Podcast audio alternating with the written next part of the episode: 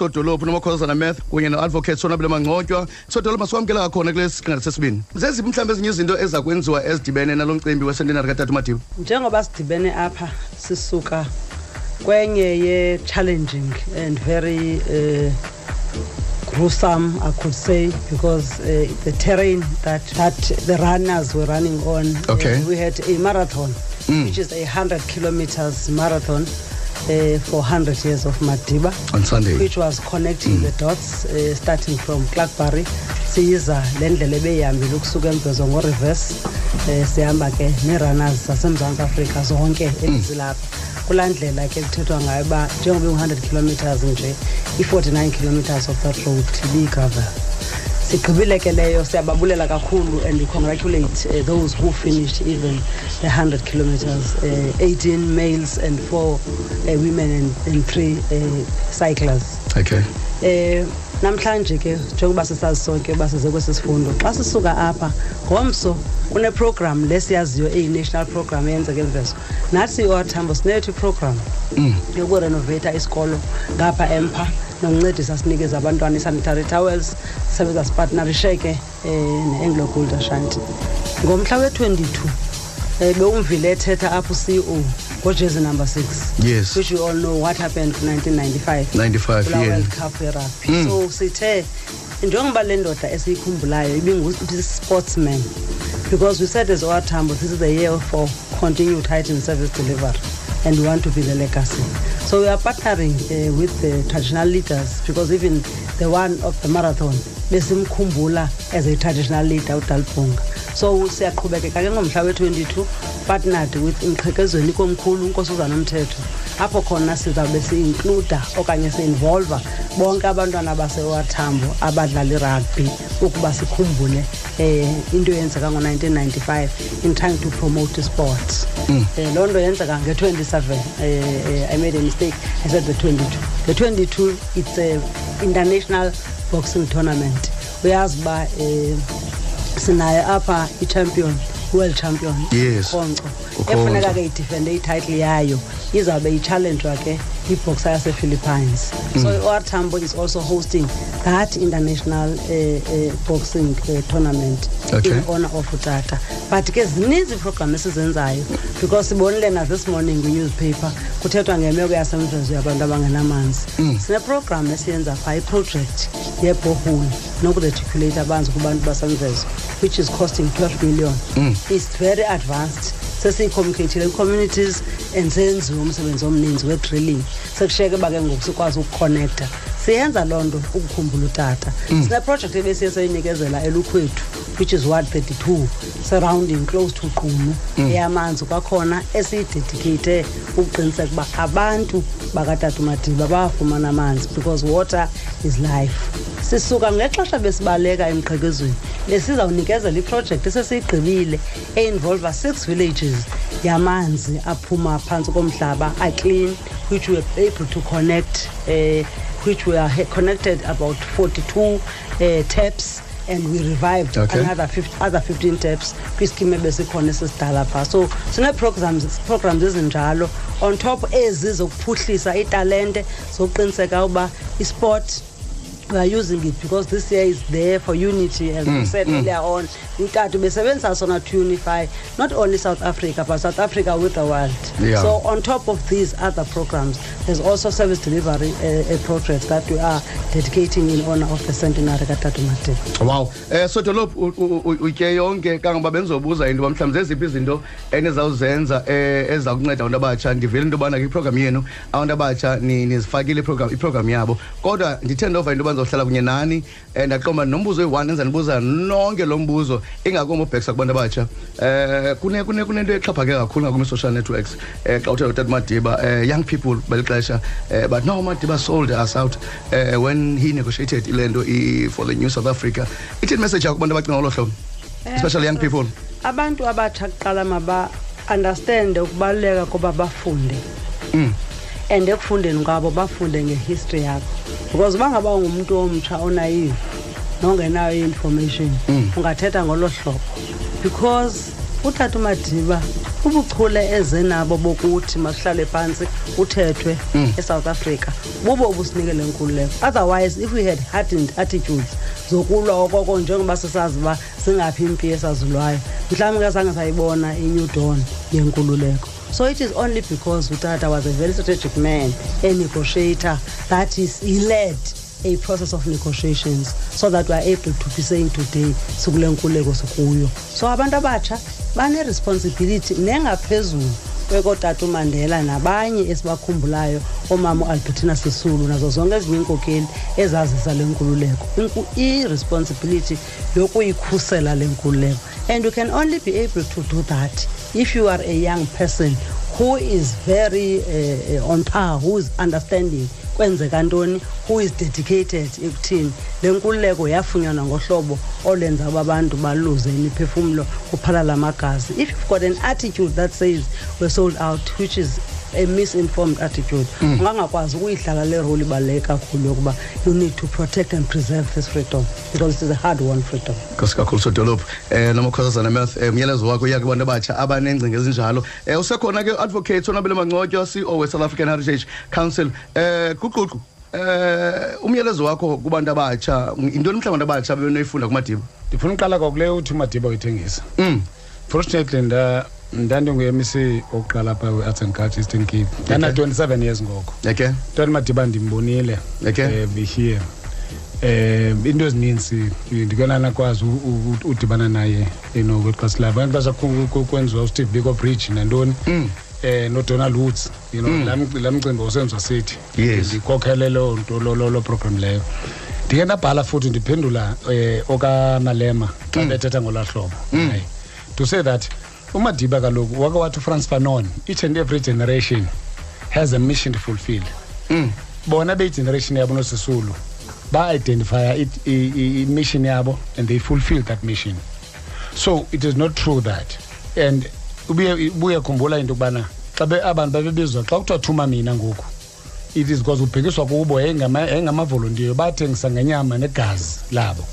But xa kufikwe ixesha loba njebesitsho executive mayor uba makunegotiatwe el- eli lizwe nge- ngelaliye kwi-civil war kwatshiwo kwathiwa i-negotiations ku-give and take. Um now iz- iinkokheli xa unegotiate ilizwe ngelaa xesha sasicinga saluthatha um lilonke yiyo loo nto kwakuthiwa um xa kusiliwayo kuthiwa saluthatha ngesibhamu. But i-reality was that ngexesha ngo-1990 yakhumbula uba isoviet union elaa xesha yaphela iberlin wall yaphela. Yes. Mm. isupply isuka from the east yayabikho. Now ude klerk wanala nesikana ntetho yakhe nge-11th of february. And kule ntetho yakhe wathi uyayikhulula ukhulula umadiba uthini? Many countries actually zaye zabuyisela uqoqosho emza- kumzantsi afrika. Now to continue ngelaa xesha nge-struggle it was not going to be possible in the same way. So kuba umadiba bezinkokheli noko ezikwazi uqiqa Qiqa. bathi le xesha lifikile ngoku but basebenzisa amandla banawo to negotiate. But i-negotiations for instance indaba yomhlaba yiyo le nto bathetha ngayo ngoku. Um yile zezinto kwakutshikwa ne- if you look at i-sunset clauses kwathiwa into ezithile abelungu bazawugaradwa because give and take lowa um for five years.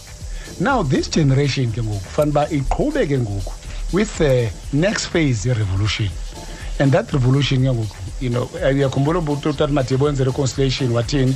Now kudla ngothiwa ngesixhosa ke unozala kanatyala indaba nendodana Okay. oomadiba bayenze yabi into. Mm. this generation mayekukhalela bona ijonge bona. They must fulfill their own discover their mission. Ndiyithandile for the, the rose must fall into fees must fall. Falls, yes. Buyabakhumbula abantwana ba- they mana- they manage bana bavuse i-ideology kasteve biko you know? Eh, you know right what i like ntoni? Because i-black consciousness yayingeyorganization but Mm. it was a phase. Now that phase is there now and abantu abatsha baneento ezingumcelimngeni kubo. Ento zee-blessers yeah. Uyaqonda ezi-affecta young girls in the streets. Eh kuye kumadurban july kuthiweni and the whole of those things enziwa phaa ne-hip hop generation you know? Yeah. i-youth is born from the eyes of america you know?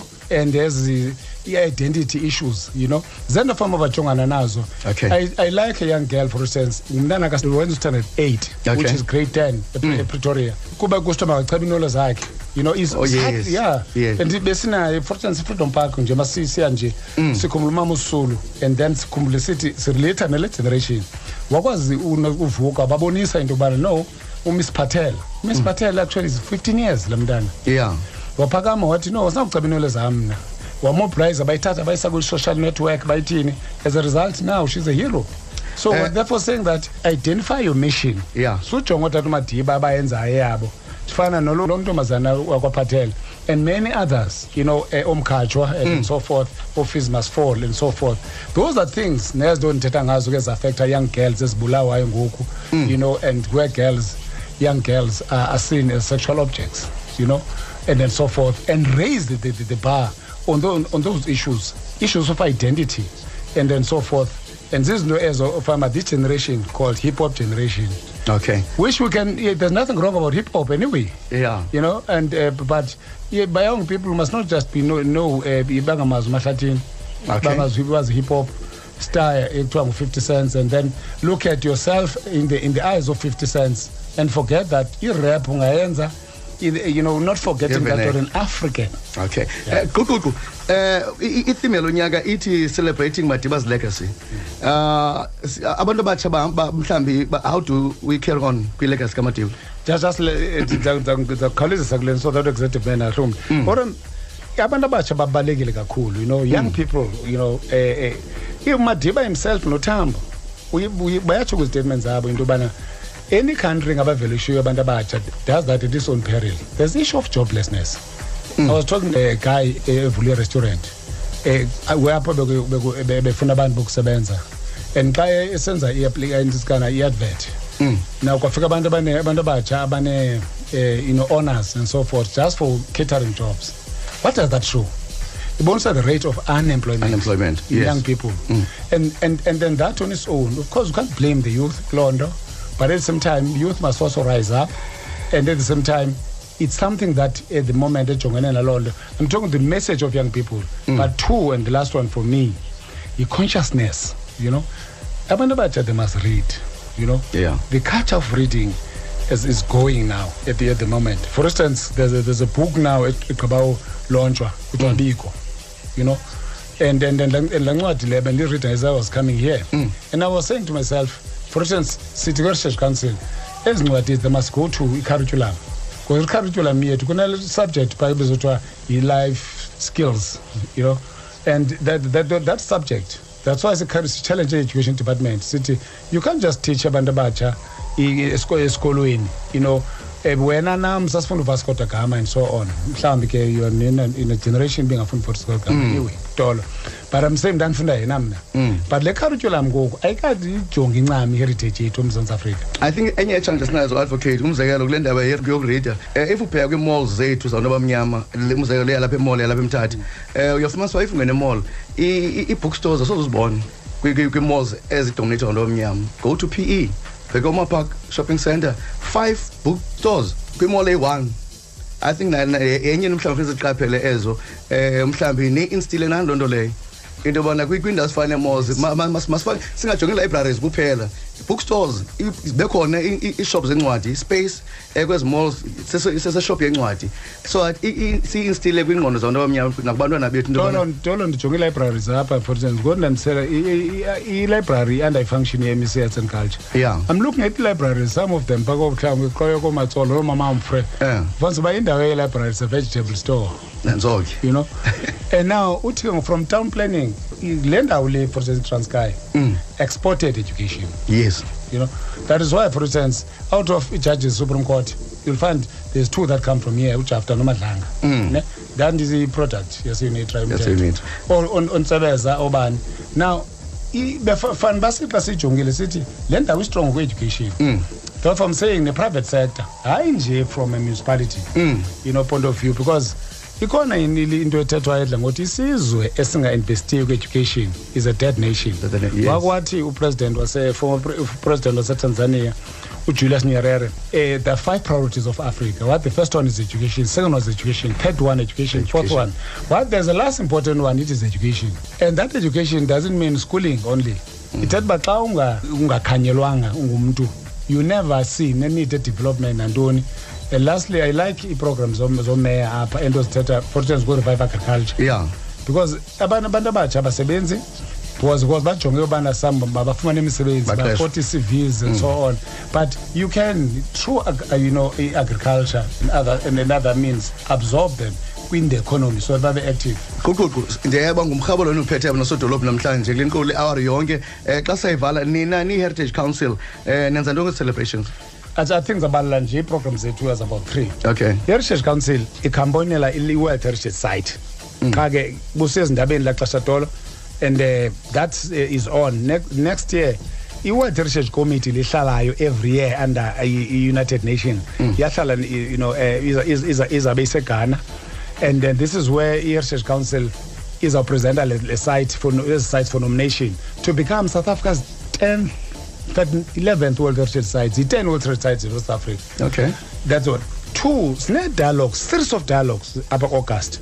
Andithi kulo nyaka kukhunjulwa umama usulu tati mm. mandela umama usulu yes. So it's dedicated sidedicatele uaugust into yobana silifte igama likamama usulu but phayana was saying make sibe ne-dialogue between the young and the old. In conversation with mama ususulu athethe uh, you know spiritually with the young people of today. But then they will be dialoguing themselves ukuthi uba umama usulu will actually be 15 years now ejongene nezi challenges zikhoyo how would he actually uh, approach them you Okay. know? and uh, and then series of this dialogue uzawuqhuba. We've got uh, you know i mean abantu abafana nomama ugrasa mashel we're going to challenge young people on african identity. What is our identity? uh, you know and Af- and then siqasise asise-afrika abanye abantu xa besiya lusuthu bathi bayi-africa and yet it's actual part of africa. And all those things. So that, that, that, that, that, those are things esinye sizawuzenza and siyavuya namhlanje uba sibambisene ne-municipality for instance le program. Yes. You know, to have this, uh, uh, you know, centenary uh, celebration in the form of a lecture.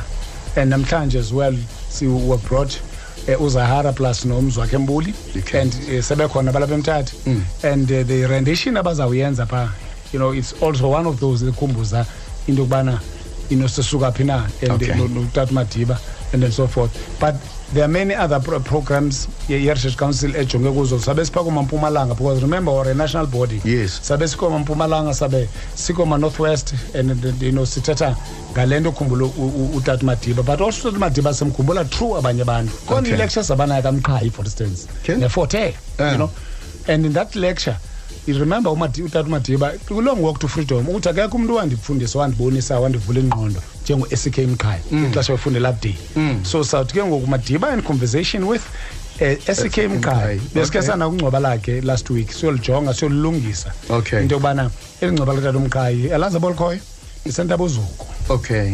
Yabo uyazi to xa uphuma apha emonti apha ebhelini Eh. umqhayi yiyo le nto kuthiwa xa kubizwa kuthiwa esike mqhayi imbongi yesizwe Yeah. ubhomoyi ubomoyi yes u- ewe yena weyinzalelwane kokuqala xa kubizwa kwezaa ncwadi zesixhosa ngumqhayi wasentabuzulu so Okay. ingcwaba lakhe lipha ubhani pityana lo uyinzalelwane ekamqhayi yiyo le Okay. nto sisebenzisana nabo so that la lecture xa ifika ezawudreswa nguformer president yabo mbeki Mm. to ensure that abantu ke ininzi into imbi- ityebile imbiza esize nayo quququtyebe ngamandla nale singathetha sigqibenye iawa um sotolophu masize kuwo soyivala ke ngoku um amazwi akho okugqibela um neprogram yanamhlanje kwenzeka ntoni?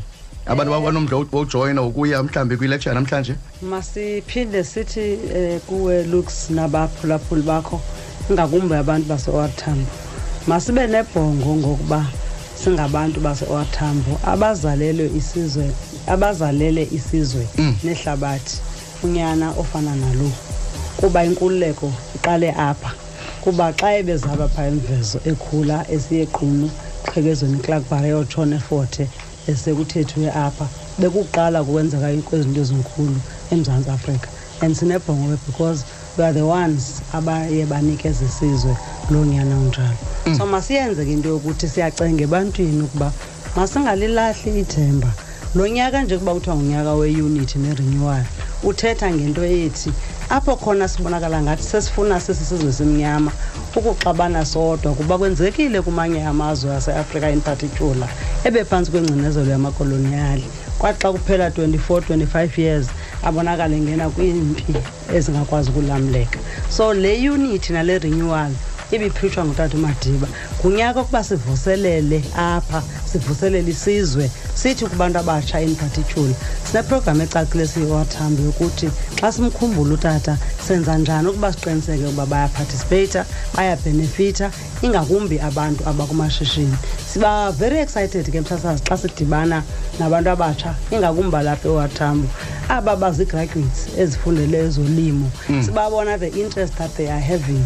Ukuthatha le golide esinayo engumhlaba siyenze ibe yiyo ezasivelisela amathuba emisebenzi khona ukuze le nto siyifunayo yeunity nerenewal ifezekiseke because the nation will only be united and be renewed if there are jobs if there is economic activity. Mm. and as owatambo we are committed to making sure that thing happens. Yiyo le nto sipartnerisha ne-private sector.